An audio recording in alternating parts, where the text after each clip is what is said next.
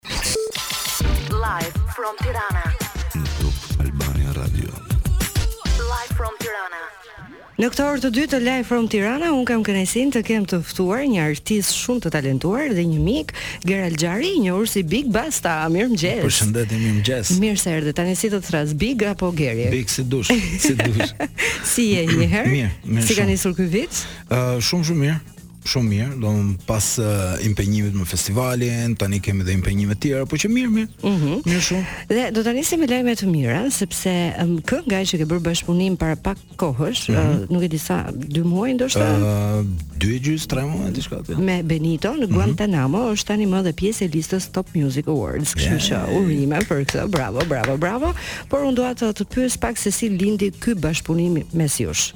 Uh, Dëgjo, bashkëpunimi lindi lindi krejt natyrshëm, siç lindin gjitha bashkëpunimet e tjera. Ajo çfarë më bëri përshtypje te Benito ishte se është artist shumë korrekt. Ëh. Mm Edhe që nga komunikimi i, i parë, plus pastaj kishim, domethënë kemi miqësinë e përbashkët, ata janë shok me me Stine, me West Side Family, ë edhe me edhe me shumë shoqëri të tjerë të përbashkët, edhe ai gjeti mënyrën, domethënë, më komunikoi si fillim uh, m'u prezantua pavarësisht se unë i kisha ndjek edhe punët e tij të mëparshme, edhe tha kam shumë dëshirë të bëjmë bashkëpunim.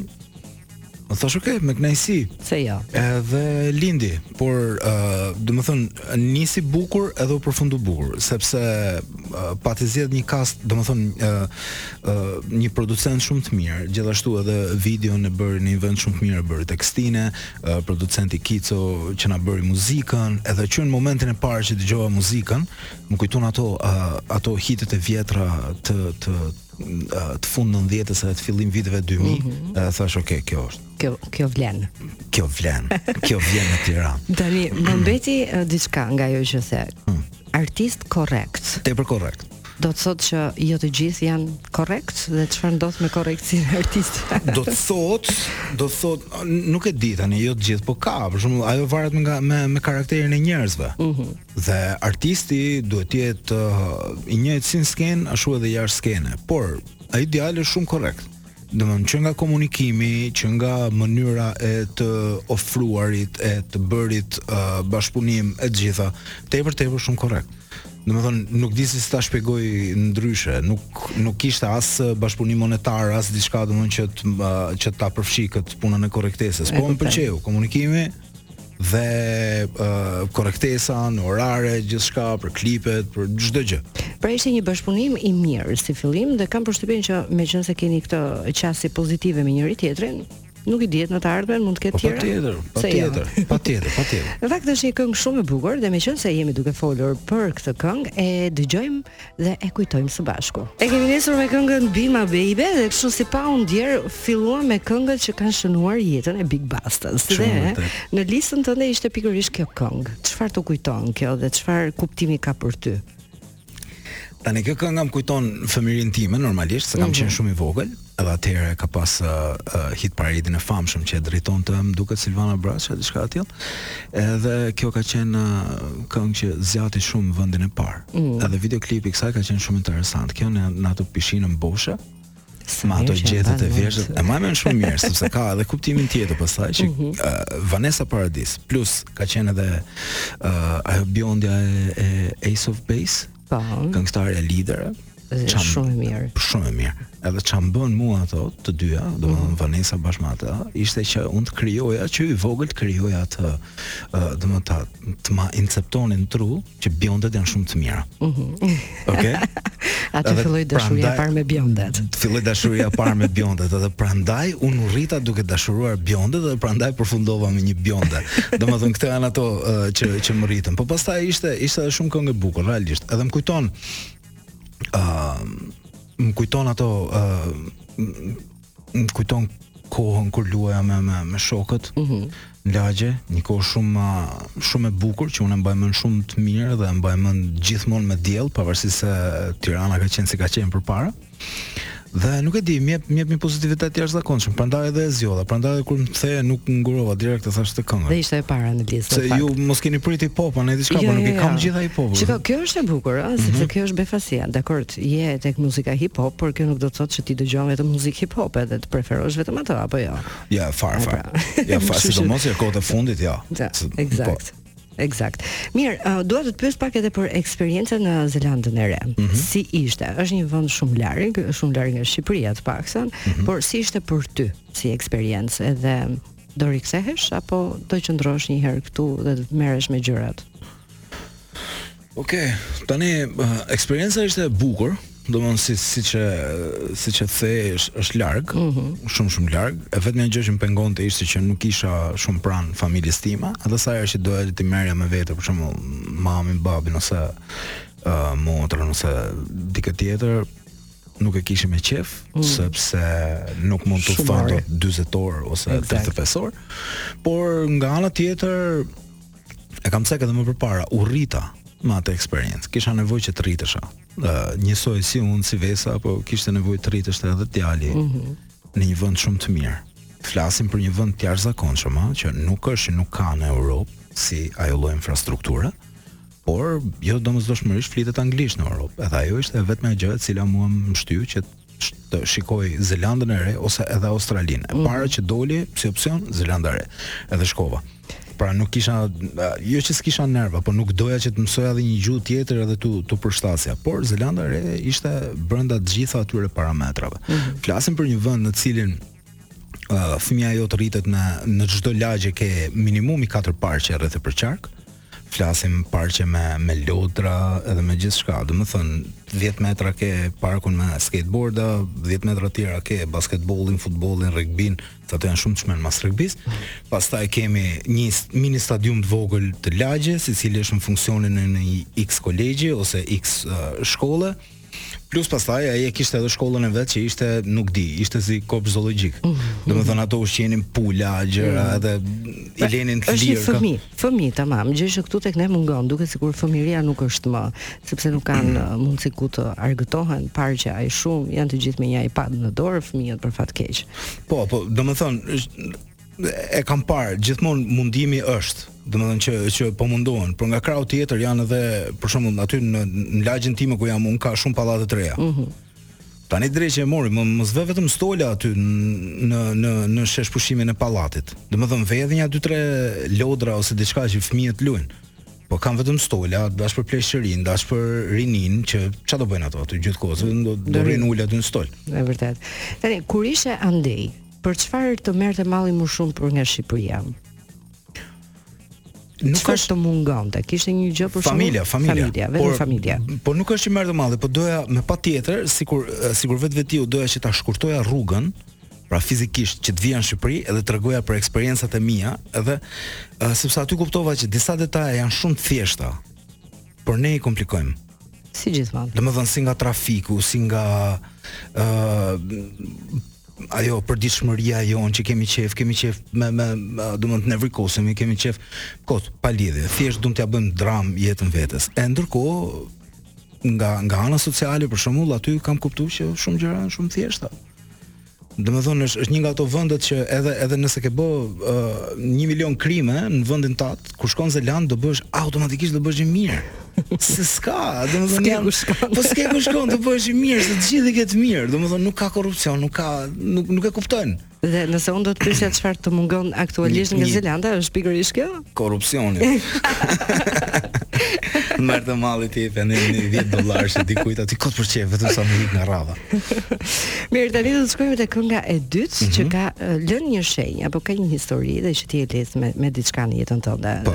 dhe kush është, është Babyface? Babyface me mhm. Stevie mm -hmm. Wonder, që është How Come, How Long. Do të komentojmë tani, apo do të dëgjojmë njëherë edhe? uh, do ta dëgjojmë në këto momente dhe pastaj do ta komentojmë. Mirë, dëgjo, tani do të ta komentojmë okay, pak. Okej, okay, okej. Okay. dhe pse është kjo zgjedhje dhe çfarë të kujton ty, çfarë të lidh? Se e, e nisa kështu me vite, me, mm -hmm. me tani Babyface me Stevie Wonder. Kjo është këngë legjendare e rrymës R&B soul. Ehm, um, tregon një histori shumë të bukur, e cila është shumë e bukur, historia është shumë e trishtë në fakt, po që e tregon e tregojnë shumë bukur këta artistë. Bëhet fjalë për një vajzë e cila është e dhunuar. Ëh. Mm -hmm.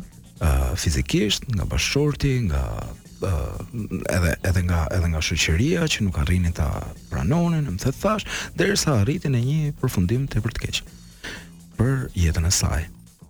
Ça do të thotë? Është një temë sociale e cila që atëherë ë uh, më më më më mbeti në mendje dhe më rriti të mirë.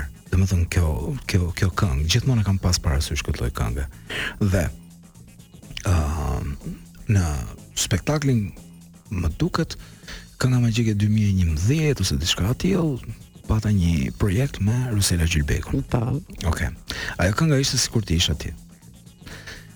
Dhe duke u nis nga uh, nga se si u rrita me me me këto valet edhe me energjinë që më përcjellte kjo kënga. Mhm. Uh -huh. Babyface edhe Stevie Wonder për një vajzë e cila kërkonte një jetë më të mirë, edhe pse e donte burrin, ë uh, doja që ta postoja pavarësisht edhe se ishte edhe eksperiencë personale që e kisha, sepse normalisht duke u rritur ça nuk shikon syri, ça nuk dëgjon veshi, dhe arritëm që ta bënim një material të tillë. Dhe u shpall teksti më i bukur i i atij kompeticioni. Mhm. Mm për mos thënë atij viti. Prandaj doja që ta që ta vendosnim këtë këngë sot, sepse është edhe një mesazh shumë i bukur. Jetojmë në një kohë shumë të keqe. Ku dhe dëgjojmë lajme, pothuajse çdo ditë lajme të tilla. Tani lajmet e bëjnë, për mendimin tim lajmet e bëjnë uh, luajnë rolin më të keq në në këtë në në këto uh, probleme sociale që ne kemi, sepse lajmet i pompojnë shumë probleme sociale që ne kemi. Domethënë ndodh diçka e keqe, jepet të lajmi i mëngjesit, lajmi i drekës, lajmi pas drekës, lajmi i pasdites, lajmi ëh dhe pastaj bëjnë edhe analiza nëpër debate, nëpër emisione në darkë për atë lajmin e keq. Pra çfarë do të thotë? Ti mund ë uh, uh, mund të duash ta luftosh atë si fenomen, por që ti e ndihmon atë si fenomen. Uh, kam rastisur, për shembull, që ta lidh prapë në Zelandë, kam rastisur në në në Zelandë në një uh, qendër tregtare. Mm -hmm. Dhe ndodhi një tmerr, domethënë një vajzë Fatkeqësisht i dha fund jetës në banjo. Okej? Okay? Okej, okay, shumë shumë okay, tronditës. Tmerrshme, po. tmerrshme. Dhe si shqiptar, unë edhe Vesa hapëm direkt te portalet e Zelandës. Mhm. Mm për me ditë më shumë se ça ka ndodh, sepse ne jemi msu në Shqipëri. Po. Okej? Okay? Zero lajm. Zero lajm. Përgjatë gjithë javë zero lajm, zero lajm është nuk është e jashtëligjshme, po është moralisht e jashtëligjshme, nuk është ligj i shkruar që ti t'i pomposh tilla lajmesh. Në këtë aspekt të jap shumë të drejtë, sepse edhe unë jam pak kundra dhe ndodh edhe një fenomen për fat të keq që kur i sheh një njeri që është në një lloj depresioni të tillë dhe do që të lëndojë veten, ne nxjerrim telefonat me e xhiru dhe jo me e shpëtu. Është e tmerrshme. Në aspektin kur ka dhunë dhe ushtrohet një partner, dhunon një mm -hmm. partnerin e, e, e tij, në këtë rast unë mendoj që duhet ngritur zëri, pavarësisht pompozitetit që lajmit mund t'i japin, por është e rëndësishme që ne të kuptojmë që nuk jemi pronë private e dikujt. Absolutisht. Dhe kjo nuk duhet që ne ta trajtojmë tjetrin si një pronë private. Por është një temë shumë e gjatë. Unë them, të shkojmë te kënga dhe pastaj do vazhdojmë me vazhdojmë, listën. Okay. Big, përpara se të kalojmë te kënga e radhës që mm -hmm. ka lënë gjurmë në në jetën tënde, unë dua të ndalim në një quiz që ia bëj herë pas here um, artistëve. Janë disa pyetje ndryshe. Mm -hmm. Ta nis? Okej. Okay. Nise, ha. do të dëshiroje më mirë të kërceje sa herë që ecje apo të këndoje sa herë që flet? Të këndoj sa herë që flas, sepse mhm. të kërceja është pak uh, problem. Pse? S'e di, nuk e di, m'duket vetja si kësulkuqja aty në mur, në në në pyll. Mirë, do bëjmë një provë tani që përgjigjen e radhës të ma japësh duke kënduar. një një variant shumë të shkurtër. Cila është gjëja më fëmijërore që ke bërë, por që vazhdon ta bësh edhe tani i rritur? Mund të jetë një gjë shumë e thjeshtë.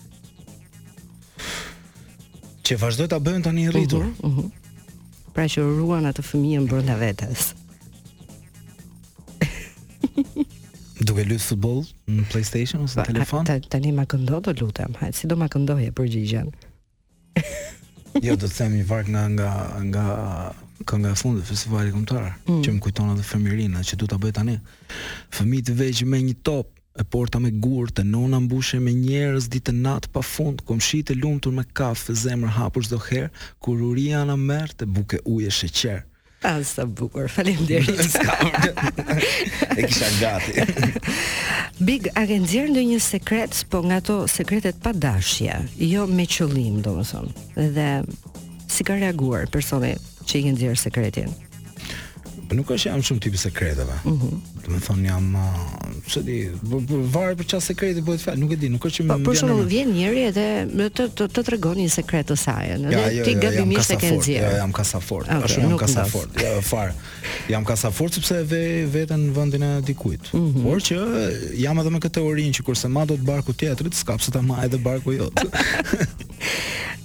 Si do ta përshkruaje dashurinë, por kujdes, vetëm me një fjalë? Hyjnore. Mm, bukur, pëlqeu. Sepse mund të jetë edhe inekzistente. Mhm. Mm por uh, mund edhe të jetë reale. Domethënë ne akoma nuk e dimë a ka parajsë apo jo, dashuria është ashtu. Domethënë ti nuk e di nëse, mbase ka teori që thonë që dashuria zgjat vetëm ato 3 javët e para dhe mm -hmm. pastaj bëhet krejt normale sepse ti mësohesh me me dikë. Por ka edhe nga ata që thonë që është e përjetshme. Unë besoj që është e përjetshme dhe hyjnore, prandaj dashuria për mua është hyjnore. Bukur.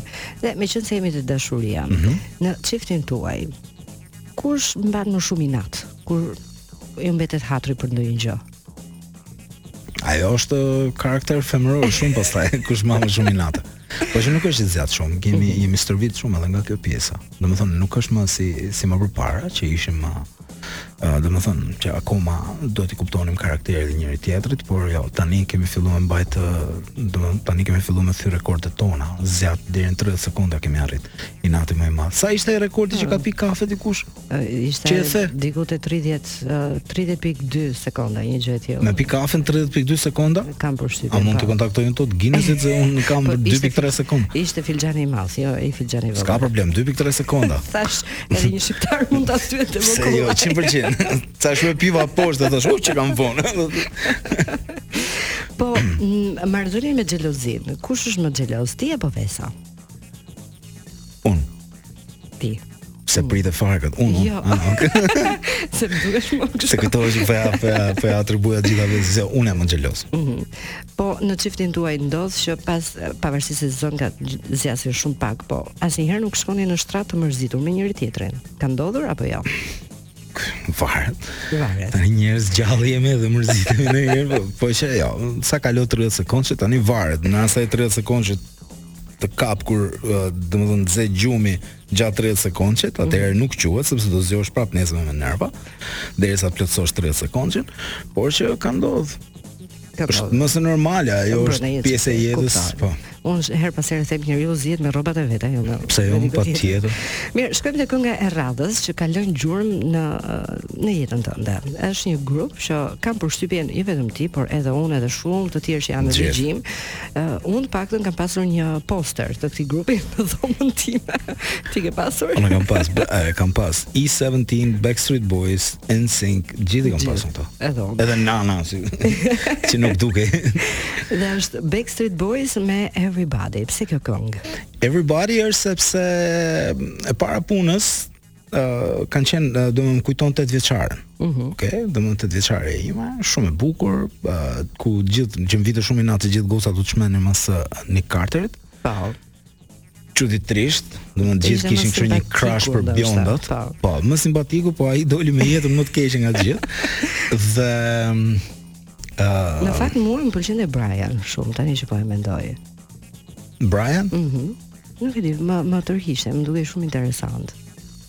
Kurse krashi im atëherë i 8 vjeçares kishte qejf AJ-n. Mm. Okej. Okay? Po. Edhe unë doja me u bë si AJ, po ku s'kisha as mjekër as gjë, domethënë. po që u sillja sikur. Po që po, këto tjerët pastaj nuk kanë qenë në llogari, o Kevin. Mm, shumë edhe Kevin, nuk nuk edhe ai Stewart, ça ka pas ai, po. Jo, s'më mund tani, nuk po, më vjen emri. S'kan po. qenë shumë në llogari ato nga nga femrat shqiptare. Bë, nuk e di, nuk e di arsye. Dhe edhe tani tjetër arsye pse zgjodha pikërisht Everybody, se mund të kisha po, zgjedh shumë the meaning ose po. por ë ehm, përveç kujtimeve që më sjell, ë është domethënës fakti që Kanye West e ka risjell këtë këngën. Mhm. Mm edhe pse pa leje, domethënë, jo, Backstreet Boys-at nuk kanë dashur ai ta që ai ta bëj remake këtë këngën. Por Kanye si zgjuar që është, e bëri remake në versionin e tij, pa e marrë leje dikujt, Sepse ligji e pranon ashtu, domethënë që ti ta Marrësh deformosh në një farë forme, po deformosh bukur siç Kanye e di dhe u bë super hit. Prandaj edhe jam shumë i fiksuar me këtë këngën, sidomos këtë variantin e Kanye West, mm -hmm. por deri tek pjesa, domethënë derisa mbaron pjesa e Kanye West, pjesa tjetër pastaj është shumë eksplicite, kështu që nuk e dëgjoj dot as në sy djalit, as në sy dikujt, por që mbetet në kufje. Po Everybody është realisht refren mm. i, i këtyre korave. Dhe uroj që edhe shumë shqiptarë t'i ripërpunojnë këngët e vjetra, sepse janë shumë bukur. Në, në variantin e tyre. Në variantin e tyre. Po të marrin lejet pak, se këtu të ta, ta thyejnë shpinën. po jo vetëm kjo, por është, e ka krijuar dikush tjetër, kështu që të paktën minimumi po, po. i mirësjelljes po, është të marrësh leje. Mirë, shkojmë dhe kujtojmë pikërisht Everybody nga Backstreet Boys. Edhe na kujtove me Big Mac, kjo këngë shumë e bukur. Shumë moment si vampira këtu. Po, edhe klipi shumë i bukur. Sa shpesh dëgjon muzikë? Sa shoqëruese është gjatë ditës tënde muzika? 75% të ditës? Mhm. Uh -huh. Edhe dëgjon gjithçka apo ke gjithçka? Gjithçka. Gjithçka. Domethënë çfarë është e bukur për t'u perceptuar për për veshin tim e dëgjoj. Mhm. E sa më pëlqen edhe po sidomos uh, kam një uh, një dashuri të paparë këto kohët e fundit me këtë me minimal house. Mhm. Mm ah, good. Shumë e lezetshme. Shumë shumë shumë mirë, domethënë të më kujton ato breakdate-in e Shqipërisë gjithkohës, ato momentet e bukura.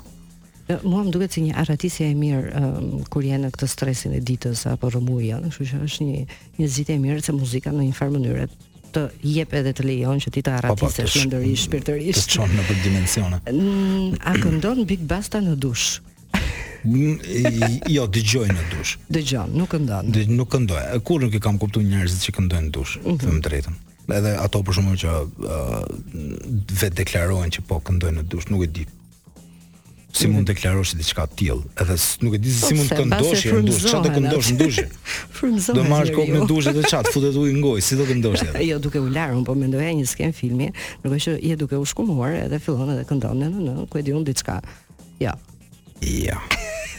Okej. S'ka, nuk e di, s'e imagjinoj dot veten ashtu, s'e di. Do të lahem shpejt shpejt. Dhe uh, shkojmë te kënga e radhës, një këngë që të falenderoj që ma rikujtove. Mm -hmm. Por dua të di se çfarë të kujton ty. La mia buona stella. Tani fakti për La mia buona stella është një fakt shumë interesant që do të tregoj se si në atë adoleshencën time, kur unë punoja kamarier, te lokali i babit. Ëh, uh, dëgjonim non stop Top Albania Radion.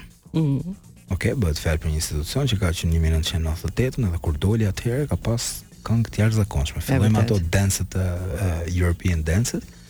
Edhe pastaj se si, se kush e zgjodhi këtë këngën me mm. Mikimix, La mia buona stella që sot emrin e ka Capar, uh, Caparezza, uh, raperi. As ai vetë, as Mikimix ose Caparezza i sotëm, domethënë nuk ia ka idenë që kjo këngë ekziston te fonoteka e tij. Edhe plus shumë italianë nuk e dinë që kjo këngë ekziston, por në Shqipëri kjo u bë super hit. E vërtetë. Edhe si u bë super hit falë një ë uh, Stacioni radiofonik, që atëherë nuk ishte kombëtar, po ishte një stacion lokal dhe që bëri super hit Miki Mix E la mia Buona Stella. Tani, se si fluturoja, unë ishte ajo më, më shumë uh, preferon të kërcesh duke ecur, aty kërceja duke ecur me macchiato në dorë me Miki Mix E la mia Buona Stella. Uh mhm. -huh. Edhe e dija pak a shumë gjithë tekstin. Tani nuk e di shumë mirë se tani italisht mund të po flasë emigrant, po. edhe u bën shumë kohë. Por kujtimet që më jep kjo kënga, më kujton ato kujtimet e lokalit, e, e adoleshencës time, kur fillova të piqesha sadopak, edhe kur fillova të shkruaj sadopak tekste ose poezi që fillova të shquesha, domethënë që merri ato gjatë 5 minutëshit nuk para dilja jashtë, gjatë 5 minutëshit të mësimit, po që filloja të shkruaj tekste, edhe aty që u bëra i njoft në nga klasa ime dhe mm. më vonë E kujtojm pak, e kujtojm pak të këngë dhe po. unë do shijoj edhe kërcimin e Big Bastas, ndërkohë që Big, nëse do të pyesja, çfarë ngjyre ka muzika për ty? Çfarë do të ishte? Sa pyetje e bukur. Me ngjyrë? Mhm. Mm Hipopi, hipopi është mhm. verdhë e zi. Dakord. Hip hopin e kam verdh e zi. Nuk e di pse, por kur i mbyll syt për shembull kur dëgjoj një këngë, mm -hmm. si uh, si kontur, domthon si si kolazh ngjyrash, më vjen vetëm verdh e zi. Nuk e di pse. Por uh, house music, po, ose dance, po, ka atë lejlan e perëndimit mm. të në në bregdet, edhe ato gurët e bardhë të të bregdetit të jugut. Po më bën të fantazoj bukur. Ne po ta them tamam realisht se mhm. mbase unë edhe i ngatërroj edhe me coverat kur dalin, për shembull që dalin ato fotot coverat të, mhm. të çdo këngë. Po. Por në trurin tim i kam me këto lloj ngjyrash. Bukur. Rroku çfarë ngjyre do kishte rroku? Bardhezi. Bardhezi. Bardhezi. Ok, s'e kisha menduar kështu, po prandaj është e bukur bota sepse njerëzit kanë perceptime të ndryshme. Rroku bardhezi. Po shkruaj vepër, bardhezi, bardhezi. shkruaj vepër. I rrin. Mirë, uh, duke qenë se jemi drejt fundit, do të mhm. ndalemi tek kënga e pestë dhe e fundit që ka shënuar jetën tënde. Dhe një hap para. Një hap para. Mhm. Mm Ishim uh, 18 vjeçar në atë kohë. Ëm um, bashkë me Shpatin me anëtarin tjetër të grupit Sweet Company dhe nisëm miqësinë me grupin Burn në atë kohë, ato kanë pas një këngë shumë të bukur, ecim të dy pranë. Edhe ne kemi pas një këngë në Top Festin e parë, e cila ka qenë një ola, ola, seksi extravagante për zyshin e kimisë. Dhe me tekstin e Turit atë ka qenë fenomenal. Dhe donim medoemos më pëlqente se ishim shumë ambicioz. Dhe donim medoemos që të merrnim një të rrëmbenim një çmim mm -hmm. dhe të bënim një kompromis që për atë kohë nuk ishte kompromis shumë i lehtë.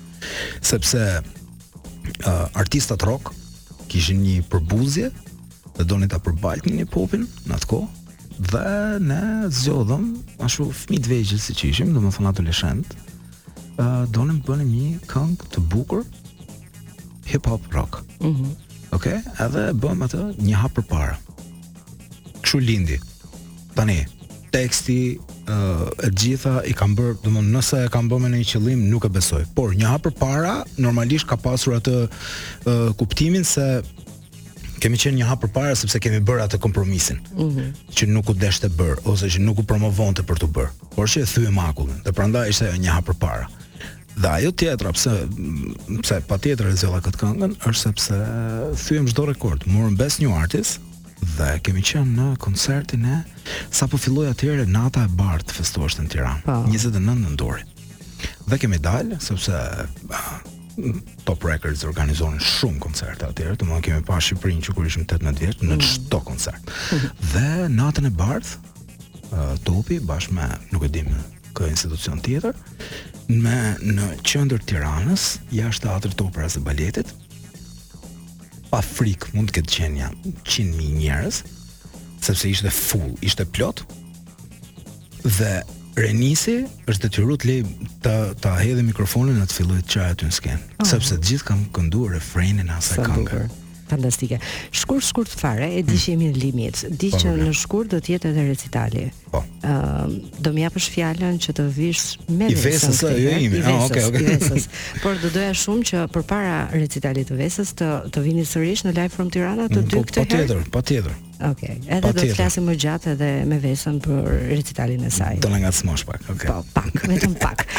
Big Basta unë të falenderoj. Shumë faleminderit. U kënaqa shumë që kalova këtë një orë të bukur me ty. Gjithashtu, faleminderit shumë. Përshëndetje.